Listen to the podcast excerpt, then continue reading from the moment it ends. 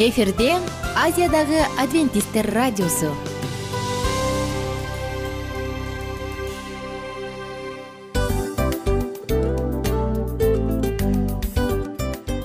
Достор салют. Баардык сүйүктүү угармандарыбызга салам айтабыз. Кутман күнүңүздөр менен. Ден соолук өмүрдүн булагы демекчи саламат саамы программасында баарыңыздарды көргөнүбүзгө абдан кубанычтабыз. Анда алгач амандашып өтөлү арбаңыздар деп. Ден соолугуңуздар кандай элибизде көбүнчө ден соолук кандай дегенде эле жакшы деп жооп беребиз э? ооруп турсак дагы жакшы дейбиз. Анан мен муну айтып ойлойт элем бул абдан сонун сөз депчи анткени бул жакшы деген үмүт да э ооба баары жакшы болот. Баары сонун. Деп үмүттөнүп атып эле өзүбүздү өзүбүз дарылап коебуз. Анысы кандай? Сиздин дагы ден соолугуңуз жакшы беш деген үмүттөбүз чындыгында ден соолук бул өмүрдүн булагы деп бекеринен айтылган эмес деп ойлойм. Кыргыз элинде анткени эгерде ден соолук жок болсо анда адамдын жашоосунда калган баардык керектүү маңыздуу нерселер өзүнүн баалуулугун жоготуп коет. Ошондуктан ден соолук бул эң керектүү нерсе. Ооба туура айтасың кесиптешим. Чынында ден соолугуң жок бир эки үч күн ооруп калсаң эле э кандай болуп калат? Жашоодо көз каранды болуп каласың көп нерсеге жетишпей каласың көп нерсени кыла албай каласың жада калса эшикке дүкөнгө да чыга албай каласың. Туптуура анан ден соолук болсо демек биз биздин бактыбыз тотой деп койсок болот. Анда достор саламат саамы рубрикабызды баштайлы. Алдыда өзүңүзгө керектүү болгон сонун кеңештерди уга аласыздар. Мына ошондуктан биз менен бирге болуңуздар. Ал эми биз болсо милан жана айнура. Кеттик алга. Алга саламат саама ден соолуктун жарчысы. Саламат саама ден соолуктун ачкычы. Күн сайын сиз үчүн мыкты кеңештер сонун жаңылыктар кызыктуу фактылар биздин рубрикада.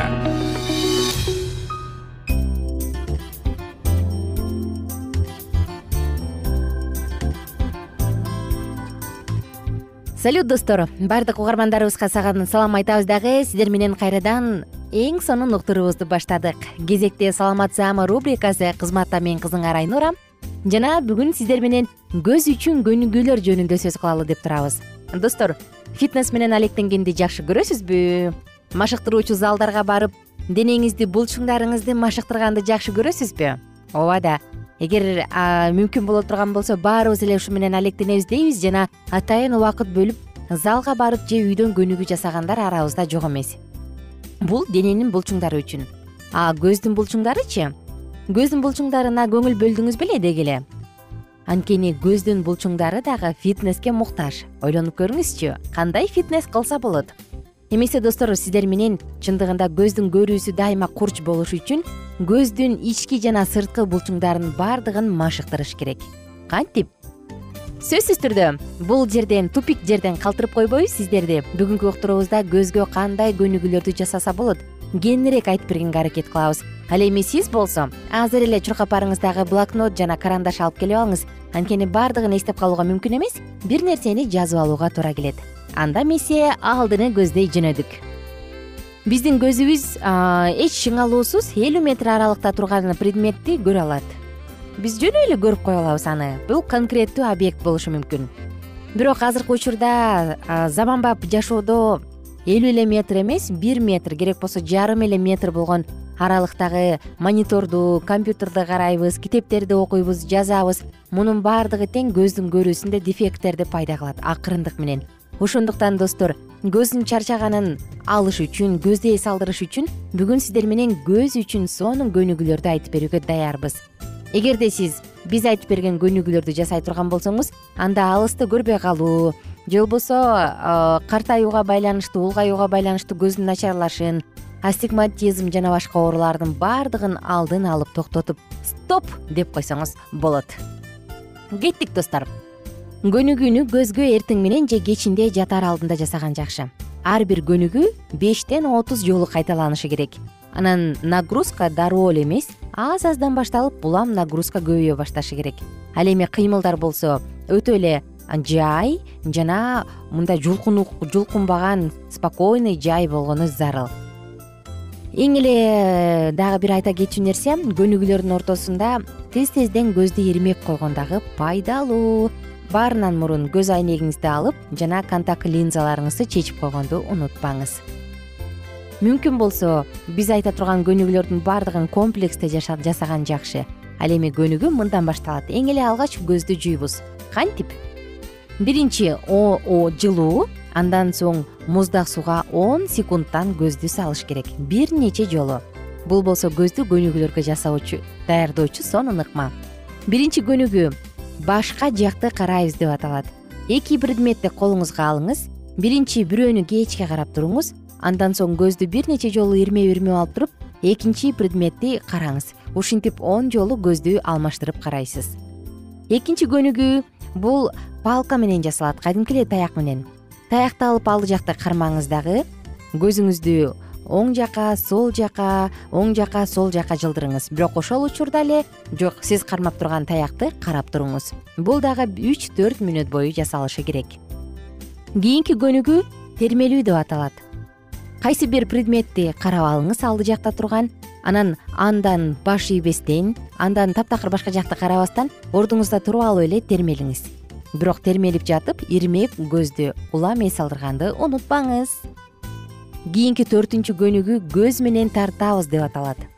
Алдыңызда турган кандайдыр бир предметти бир аз алыс аралыкта караңыз дагы. Бул мейли бак болобу унабы башынан ылдый карай көзүңүздү контур менен тартып чыгыңыз. Дал ошол турган нерсени. Жана кийинки бешинчи көнүгүү бул көз менен тоголокторду тартып чыгуу. Жөн гана тегерекчелерди үч төрт жолу тартыш керек бул дагы. Жана достор алтынчы көнүгүү тез тезден көз ирмөө деп аталат. Алыс жакта турган предметти карабаңыз. Андан кийин бир эки мүнөт бою тез тезден көздү ирмеп чыгыңыз мына достор дал ушундай көнүгүүлөр эми болсо көзгө дагы эмне пайдалуу дегенде массаж жөнүндө айта кетпесек болбойт. Ооба достор кадимки эле массаж? Эгерде мүмкүн болсо профессионал адис массажистке барыңыз укалоочуга эгер мүмкүн болбосо өзүңүздүн эле колуңуз менен жеңил катуу баспастан жумшак массаж жасаңыз. Мындай көнүгүүлөр көз ирмөөчтөргө жана жаш агуучу каналдарга жасалат. Ал үчүн сизге болгону гана манжаларыңыз керек жана бул көнүгүүлөр ылдыйкы ирмөөчтөрдөн өйдөнү көздөй жана чекеден мурдуну көздөй жасалат. Жеңил жеңил гана сыйпайсыз. Кантип десеңиз болгону гана сизде ортон сөөмөй жана аты жок деген үч манжа керек. Жана достор кийинки акыркысы бул эмне дей турган болсоңуз көзгө эс алуу мүмкүнчүлүгүн берүү. Кадимкидей эле эс алуу? Кантип көзүңүздү отуруп алып бир нече мүнөт жумуңуз. Өзгөчө сиз компьютер алдында иштесеңиз күнүнө жок дегенде эки жолу жасаңыз эки көзүңүздү жумуңуз дагы бир нече секунд анан алакандарыңыз менен аны басыңыз катуу баспаңыз көздөрдү жөн гана мынтип жаап коюңуз. Анан көздү ачып бир нече жолу тынбастан ирмеңиз мына достор ушундай сонун көнүгүүлөр бар жана ушундай сонун ыкмалар бар. Эгерде карылыкта дагы сизде көздүн көйгөйү мени каптабасын көзүм эң сонун көрүп берсин десеңиз бул нерсени жасагандан эч тажабаңыз. Дагы да бир нерсени айта кетеличи достор. Эгерде алыс жакты көрбөй же тескерисинче жакын турган нерсени көрбөй алыс турганды көрсөңүз анда сизде сонун көнүгүү бар. Стөлгө жөн гана отуруп алыңыз булчуңдарыңыздын баардыгын чыңалтпай жайыңыз жайылган булчуңдар менен үстөлгө отуруп алып көзүңүздү ары бери ары бери жылдырыңыз. Беш он жолу. Көзүңүздүн алдына кадимки эле сөөмөйүңүздү коюңуз дагы аны менен стрелка тартыңыз. Ар кандай тоголок тегерек фигураларды тартыңыз. Муну дагы жети жолу жасаңыз. Бул сиздин алысты көрбөй кыйналган көйгөйүңүздү жеңгенге жардам берет убактыбызды жыйынтыктайбыз. Убакыт өтө аз тилекке каршы дагы айта турган маалыматтар көп. Алдыңкы уктурууларда айтып берем деп убада берем. Жана сиздер менен амандашканча сак саламатта туруңуздар. Саламат саама ден соолуктун жарчысы. Саламат саама ден соолуктун ачкычы. Күн сайын сиз үчүн мыкты кеңештер сонун жаңылыктар кызыктуу фактылар биздин рубрикада. Салют замандаштар баарыңыздарга ысык салам дил маек программабызга кош келиңиздер. Дил маек рубрикасы дегенде эле бул эмне болгон дил маек ким менен маектешебиз деп сурайт болуш керек угармандарыбыз бул рубриканы кыскача тааныштыра кете турган болсок ар тарап кесип ээлеринен болгон сонун интервью кеңештер бар. Ооба. Жылдыздар менен болгон маек бар. Аталарыбыздын агаларыбыздын чоң аталарыбыздан сонун кеңештер бар. Ошондой эле эже сиңдилердин кеңештери бар айтор. Баардык кызыктардын баары алдыда. Негизи эле адам баласы бир кимдир бирөөнө ишенип сырын ачкысы келет эмеспи э мындай баарлашууга жакын келебиз го? Албетте. Негизи бир жерге отуруп алып кенен шашпай баягы жүрөктөн жүрөккө ачып сырларыбызды ар кандай көйгөйлөрүбүз менен бөлүшүп баягы чын жүрөктөн маек курганды кимибиз сүйбөйбүз э? Ооба десең ал нерсеге суусап да келебиз да. Ооба кээ бирде адамга чындыгында баягы э, ысык маек баягы жылуу маек жетишпейт да. Ошондуктан биз ушул рубриканы ойлоп тапканыбызда эң биринчи эле достор сиздер менен чын жүрөктөн бир маңыздуу темаларды козгоп кеткени э, кааладык. Ошондуктан ушундай сонун бир рубриканы тартуулап жатабыз. Анын үстүнө радио дагы сонун дос да анткени э, мындай учурда досуңа айтсаң досуң досуна айтат досу досуна айтат да анан бүт өлкө билип калышы мүмкүн го. А радио болсо сени сатпаган сенин айыбыңды ачпаган сенин сырыңды эч кимге айтпаган сонун дос мына ошондуктан биздин алдыдагы айта турган кеңештерибизди биздин досторубуздун кеңештерин угуп анан ал жака пикириңизди дагы калтырып кайрадан биз менен байланышсаңыздар болот. Деги эле жашооңузга эгерде кичине болсо дагы өзгөрүү алып моралдык жактан нравовалык жактан сонун бир кеңештерди алсаңыз демек биз максатыбызга жеттик. Ооба. Чыңгыз атабыз улуу жазуучу э, чыңгыз айтматов айткандай адам болуу бул күнүмдүк процесс экен. Күн сайын адам бойдон калуу бул адамзатка эң эле кыйын дейт э? э эң кыйын дейт. Чындыгында бунун э, негизинде адамдын эң баягы сапаттуулугу адамдын э, адамгерчилиги жана көптөгөн керектүү нерселер. Мына ошол темалар дагы бизде ушул дил маекте биз аларды да козгойбуз ден соолук жөнүндө да сүйлөшөбүз. Сөзсүз түрдө анан милан мырза негизи айтып коюшат го. Биз көбүнчө эмнени ойлонсок ошол нерсеге карата иш кылабыз го. Ооба. Анан анысыкандай балким бул радио баракчада кимдир бирөөнүн оюн текшергенге жардам берет кимдир бирөөнүн жүрөгүн текшергенге жардам берет. Балким кимдир бирөөгө жашоонун маңызын тапканга жардам берер. Айтор кызыктын баары алдыда бул жөн гана кыскача жарнама анда угармандарыбыздын баардыгын кийинки рубрикабызга чакырабыз. Ал эми кызматта маңдайымда отурган кесиптешим милан жана мен айнура. Анда эмесе биз даярдаган терең терең ойлор менен таанышууга кеттик. Алыс алыс баралык.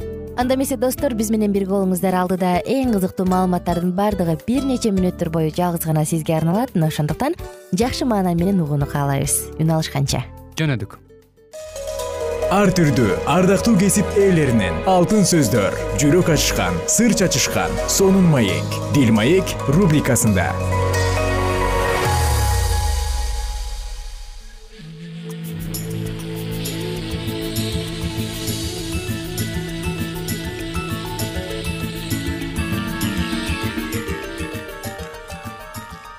ассалому алейкум ардактуу радио угармандарыбыз. Саламатсыздарбы? Кайрадан эле сиздердин назарыңыздарда сүйүү жоолугушуулар жана нике аттуу программабызда кездешип жатканыбызга өтө кубанычтабыз.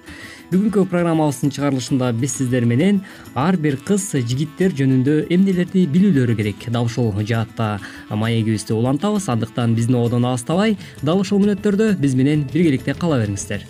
Аялдар менен эркектердин ортосундагы негизги айырмачылыктарды ар бир кыз жакшы билиши керек эркектер аялдардын денелик түзүлүшү жагынан гана айырмаланып турушпайт.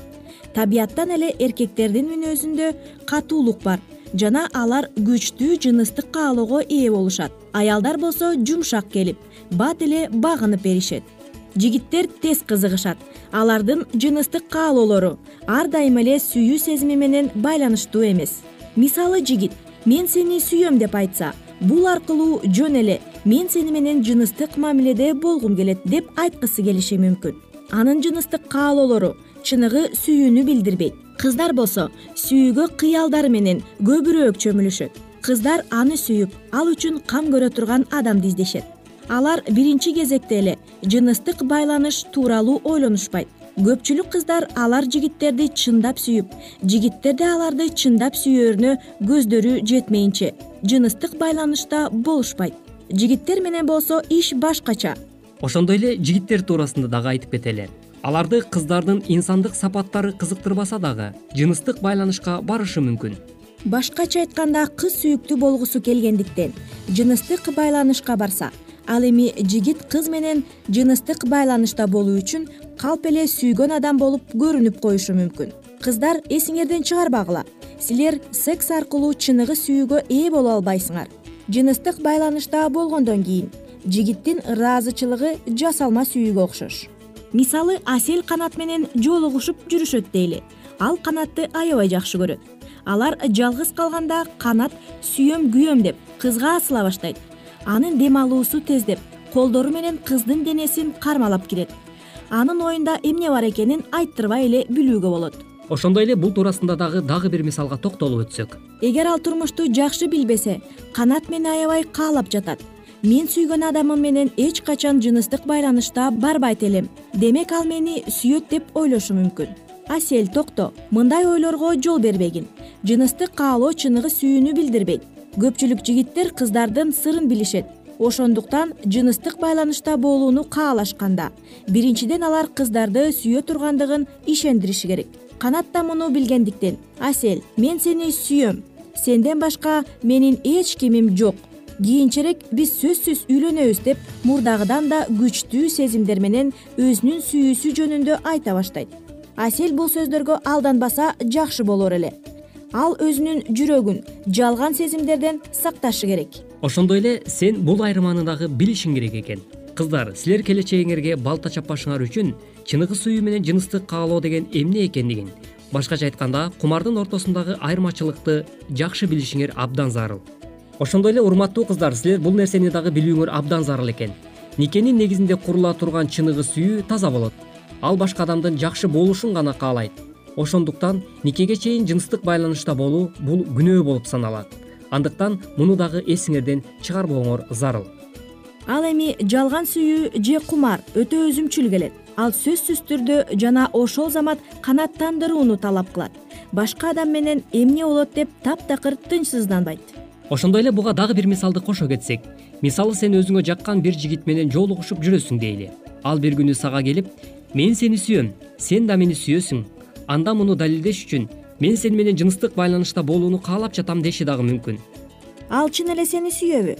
Албетте жок эгер ал сени чындап сүйсө ал сага жакшылык гана каалайт эле.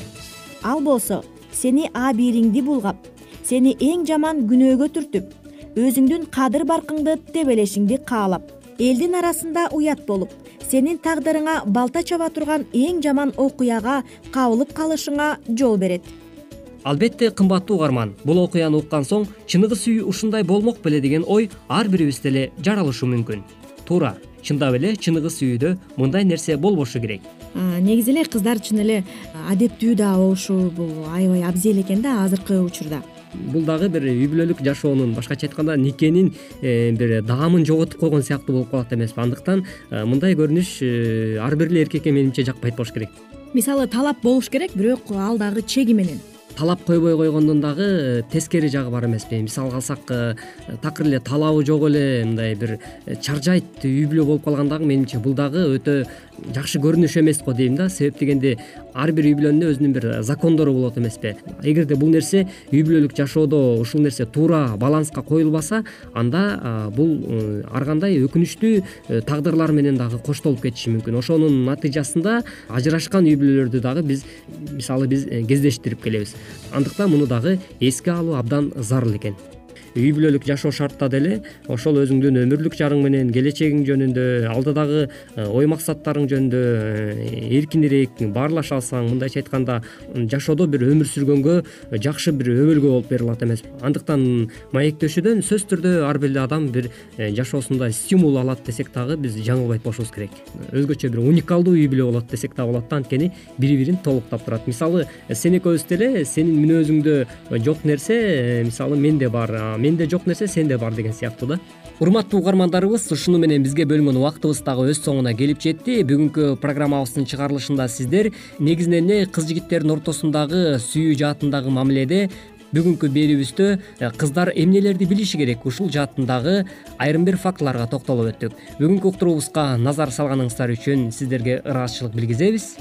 Жана ошондой эле ар бир кыз жигиттер жөнүндө эмне билиши керектиги тууралуу программаны уктуңуздар урматтуу достор биздин уктуруубузга назар салганыңыздар үчүн ыраазычылык билгизебиз. Эмки берүүдө кайрадан биз сиздер менен сүйүү жолугушуулар жана нике аттуу программабыздан кезиккенче аман болуңуздар. Сак саламатта калыңыз.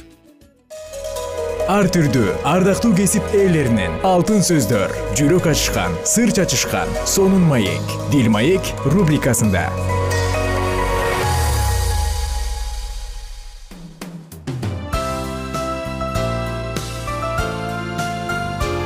эфирде азиядагы адвентисттер радиосу.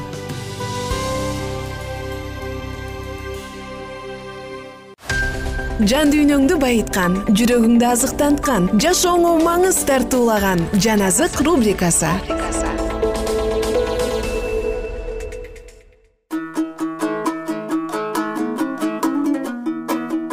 саламатсыздарбы? Биздин кымбаттуу угармандарыбыз жалпыңыздар менен кайрадан ысык салам айтып биз жан азык рубрикабызды баштадык. Улуу күрөш китебин кайрадан улантабыз. Кудай эч качан адамдардын эркин жана алардын абийирин мажбурлап зордобойт. Шайтан болсо тескерисинче өзүнө башка жол менен адамдарды кайрый албай турган болсо алардын үстүнөн зомбулук жана коркутуучу чара колдонот. Коркутуу жана күч колдонуу менен ал адамдардын абийирин талкалагысы келет жана ушундайча өзүнө табындырууга жана урматтоого жетишүүнү каалайт. Бул максатка жетиш үчүн ал мамлекеттик жана диний бийликтерди колдонот. Аларга кудайдын мыйзамдарына каршы мыйзамдарды чыгарууну үйрөтөт. Ыйык жазуудагы ишембини сактаган адамдар мыйзамдын жана тартиптин душмандары жалпы коомчулуктун адебин бузуучулар бузулгандыкты жана тартипсиздикти алып келүүчүлөр деп жарыяланат. Аларга жер үстүнө кудайдын өкүмү чыгып жаткандыгынын башкы себеби катары карашат. Алардын ишенимдүүлүгү жана берилгендиги тоң моюн жана баш ийбеген болуп жарыяланган. Аларды бийликке нааразылык келтиргендер катары айыпташат. Кудайдын мыйзамдарын аткаруунун кажети жок деп айтышкан жыйындардын кызматчылары кафедрадан мамлекеттин мыйзамдарын аткарууга ар бир адам кудайдын көрсөтмөлөрүн аткаргандай эле милдеттүү дешет мыйзамдарды сактаган адамдар мыйзам чыгаруучу чогулуштарда жана адамдардын сотунда жалаа жабылып жана айыпталышат. Алардын айткан сөздөрү бурмаланат жана алардын бардык жасаган иштери жана ойлору эң жаман деңгээлде талкууланат. Кудайдын мыйзамдарынын күбөлөндүргөн ыйык жазуунун ачык далилдерин протестант жыйындары кабыл албай койгондуктан кимдин ишенимин ыйык жазуу аркылуу жок кыла алышпаган адамдардын үнүн жабууга аракеттенишет алар муну мойнуна албаган күндө дагы. Ким өз абийиринин буйругу менен жүрбөсө башка христиан дүйнөсү менен бирдикте папалык майрам күнүн ыйык тутууну кабыл алышат бардык адамдарды жекшемби күнүн сактоого күч каражат жана ишендирүү колдонуу менен мажбурлоо үчүн жыйындардын жана мамлекеттердин башчылары биригишет. Кудайдын авторитетин жок кылуу зордоо таразасы менен толтурулат саясатчылардын саткындыгы адилеттикке жана чындыкка карата болгон сүйүүнү жок кылат. Жада калса эркин америкада башкаруучулар жана мыйзам чыгаруучулар коомдукка жагынуу үчүн элдердин талабын аткаруу максатында жекшемби күнүн сактоо милдеттүү түрдө болушуна кол коет. Көп сандаган адамдардын каны менен жеңишке жетишкен адам абийири жерге тебеленет. Бул келе жаткан күрөштөн биз пайгамбардын айткандары аткарылып жаткандыгын көрө алабыз ошондо ажыдаар аялга абдан ачууланып аялдын уругунан болгон кудайдын парыздарын сактаган жана ыйса машаяктын күбөлүгүн карманган башкалар менен урушууга жөнөдү деп жазылат аян китеби он экинчи бап он жетинчи аятта. отуз жетинчи бап. ыйык жазуу адашууга каршы кепилдик. мыйзамдарга жана аяндарга кайрылгыла. эгерде алар бул сөз айткандай айтпай турган болсо анда аларда чындык жок деп жазылат ышая сегизинчи бап жыйырманчы аятта. Пайгамбар кудай элин жалган насаатчылардан жана жиндердин азгырыгынан алыс болуш үчүн коргонуч үмүтү катары ыйык жазууларга кайрылууга багыттайт. Адамдар мукадасты тааныбай калышы үчүн шайтан бардык ыкмаларды колдонот. Анткени бул китептин ачык баяндамалары анын жалгандыктарын ачып берет.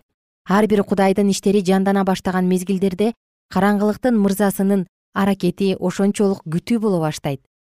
Азыркы мезгилде машаякты жана анын жактоочуларын жеңүү үчүн ал болгон күчүн топтоодо. Жакында биз акыркы күчтүү жалгандык менен бетме бет кездешебиз. Антихрист машаяктын душманы биздин көз алдыбызда өз кереметтерин көргөзө турган кез келет. Жасалма кереметтер кудайдын күчүнүн көрүнүп жатканындай болуп көрүнөт жана чындык менен жалгандыкты бир гана ыйык жазуунун негизинде айырмалоого болот. Ар бир ишендирүүлөрдү жана ажайыптарды мукадастын күбөлөндүрүүлөрү менен айырмалоо мүмкүн. Кудайдын мыйзамдарына баш ийген адамдар каршылыктарды жана шылдыңдоолорду жолуктурат. Жана алар бир гана кудайда болуу менен ушуларга каршы туруштук берише алышат. Келе турган сынактарды татыктуу баштан өткөрүш үчүн анын сөздөрүндө ачылып берилген кудайдын эркин билүүлөрү зарыл. Жана ошондо гана алар кудайдын сапаттарын анын максаттарынын негизин толук түшүнө алышат жана ошого жараша аракеттенишет. Акыркы улуу күрөштө өз акылдарын мукадастын чындыктары менен гана такшалткан адамдар туруштук бере алышат. Мен адамдарга караганда кудайга көбүрөөк тил алышым керекпи? деген суроону ар бир адам чечүүсү зарыл. Сынактын акыркы чечүүчү сааты жакын калды. Биздин буттарыбыз бузулгус кудай сөзүнө бекемделди беле. Биз кудайдын мыйзамдарын сактап жана ыйсага карата ишенимди сактоого даярбызбы? Качан керилердин алдында аткаруучу өз шакирттерине өзүөлөрүн жана кайра мүрзөдөн тирилээрин түшүндүргөн? Анын айткан сөздөрүн элчилердин жүрөгүндө калтыруу максатында периштелер болгон аракетин жасашкан. Бирок машаяктын шакирттери жердеги римдиктердин алдындагы баскынчылыктан бошонобуз деп түшүнүшкөн алар үмүттөнгөндөрдүн өзүнүн шылдыңдалып өлүшү аларга көтөрө алгыс жүк болуп эсептелген. Алар өз жүрөктөрүндө кала турган сөздөрдү унутушкан жана сынак аларга капысынан тийди. Ыйсанын өлүмү. Алардын бардык үмүтүн талкалады. Жана ал аларга бул жөнүндө таптакыр эскертпегендей сезилген. Ошондой эле акыркы кездеги пайгамбарлык дагы бизге машаяктын шакирттерине ачылып берилген сыяктуу ачык баяндалган сынак мезгилинин бүтөөр окуялары жана кайгылуу күндөргө даяр болуу зарылдыгы ачык жана белгилүү болуп жазылып берилген. Бирок көпчүлүк адамдар бул маанилүү чакырыктарды мукадастын барактарында жазылбаган сыяктуу таптакыр түшүнө алышпайт. Шайтан болсо сергектенип жана кайгылуу күндөр адамдар үчүн кокусунан болуусуна өбөлгө түзүп куткарылууга адамдардын акылы жетпешине таасир берет.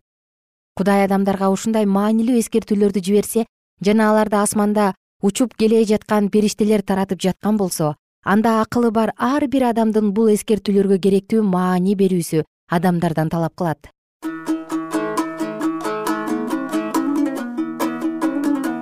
Кымбаттуу угарман кийинки уктурууда саатыбызды мындан ары улантып кызыктуу окуябызды бирге улантабыз. Баарыңыздарды кийинки уктуруубузга чакырабыз. Күнүңүздөр көңүлдүү улансын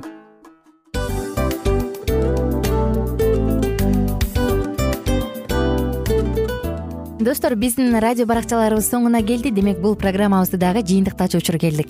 Учурга келдик. Анан кесиптешимден сурагым келип турат. Негизи эле иштин башталып атканы кубандырабы сени же жыйынтыгы кубандырабы?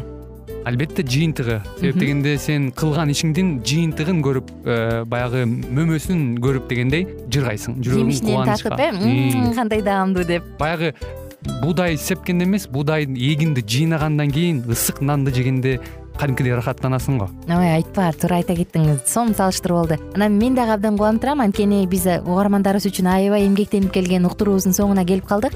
Анан эми э, уктуруубуздун соңунда угармандар кандай пайда алып калды экен деп күтүп турам да. Балким э, менин жашоомо өзгөрүү киргизе турган сонун сөздөр болду. Мен ушул нерсени изилдеп анан кабыл албасам ушул нерсени кылбасам деген чечим чыгарсаңыз анда биз абдан кубанычтабыз. Сөзсүз түрдө андыктан кийинки биздин кызыктуу уктурууларыбыздан көрүшкөнчө сак саламатта калыңыздар. Чыдамсыздык менен сиздерди мен милан жана кесиптешим айнура күтөбүз. Баардык угармандарыбызга ийгиликтүү күн каалайбыз. Качан гана болбосун уртуңуздан жылмаюу кетпесин үйүңүздө көмүр жүрөгүңүздө көңүл болсун дейли